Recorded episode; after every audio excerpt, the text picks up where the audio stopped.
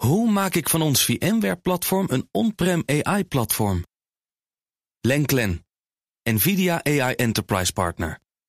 Lenklen, betrokken expertise, gedreven innovaties. Tech Update. Roetoei, goedemiddag. Op deze speciale verkiezingsdag. Het onderzoek wijst uit dat uh, chatbots een specifieke politieke voorkeur hebben. Dat wist ik niet. Zelfs dat ze een, ja, een favoriete politieke partij hebben.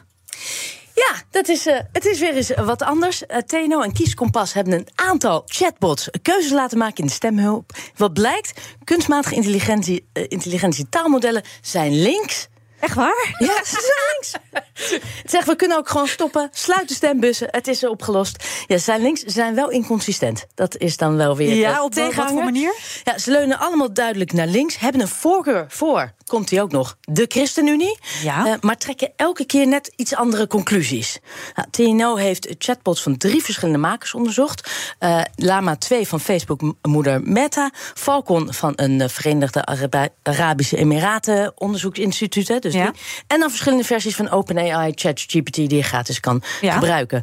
Bart van Google en Ernie van, het, van Baidu, het Chinese Baidu. Ja, daar had TNO geen toegang toe, dus die deden niet mee. Dus het okay. gaat echt om die drie.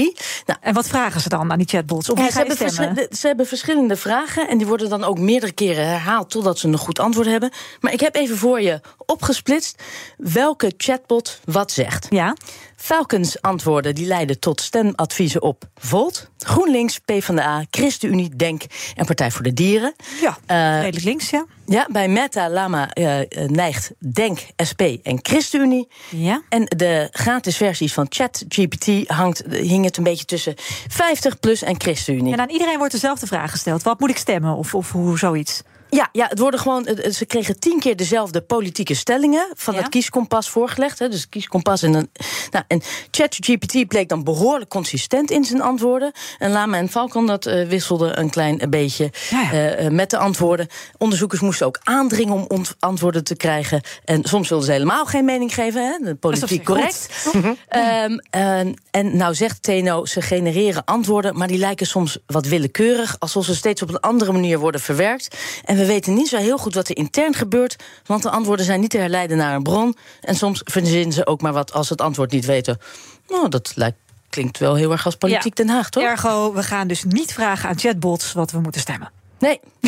Niet doen. Bedenk ook dat het een beetje wordt ingevoerd. Hè? Want uiteindelijk wordt het natuurlijk ook weer eh, geleid door feedback van mensen. Ja. Die antwoorden. Dus dat kan ook wel weer toch door mensen geïnspireerde Precies. antwoorden zijn. Nou, dan de negatieve uitspraak van het eh, Duitse Constitutioneel Hof vorige week over het eh, uitgavenpatroon van de Duitse regering. Dat zou eens een enorme klap in het gezicht kunnen worden voor Intel.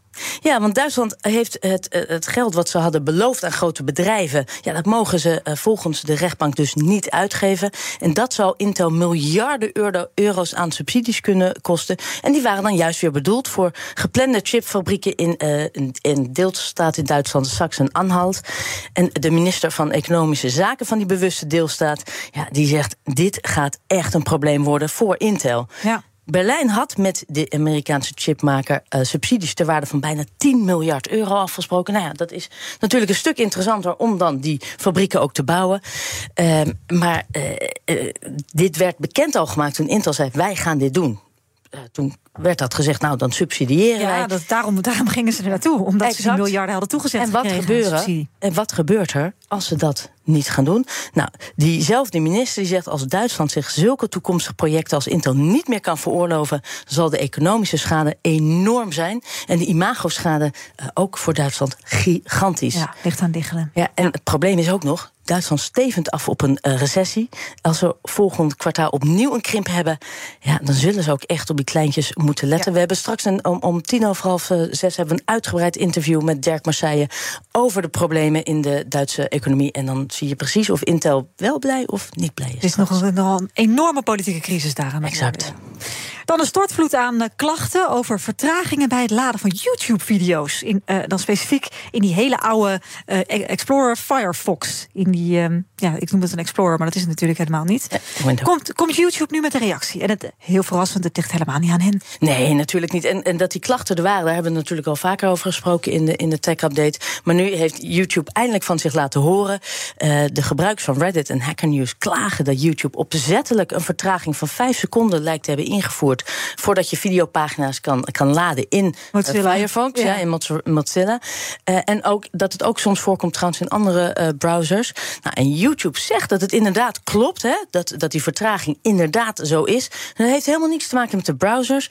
Die vertraging is een gevolg van de werkzaamheden en inspanning van het bedrijf om adblockers op hun platforms te verwijderen. Oh, dus eigenlijk is het onze eigen schuld. Ja, voor de mensen zeggen dus als je dit niet wil, moet je gewoon die adblockers ja, even precies. verwijderen. Ja, dan krijg je wel weer advertenties in, maar dan heb je geen vertraging. En ze zeggen ook, ja, wij zijn hier zo actief mee bezig. Uh, dit hoort erbij. Oh. Of vertraging, of van je adblockers af. De gladjakkers. Het is altijd, altijd uiteindelijk allemaal onze eigen schuld. Keuzes, hè? Keuzes, jongens. Ja. Dankjewel, Roetoei. De BNR Tech Update wordt mede mogelijk gemaakt door Lenklen. Lenklen. Betrokken expertise, gedreven resultaat. Hoe maak ik van ons VMware-platform een on-prem AI-platform? Lenklen. NVIDIA AI Enterprise Partner. Lenklen. Betrokken expertise, gedreven innovaties.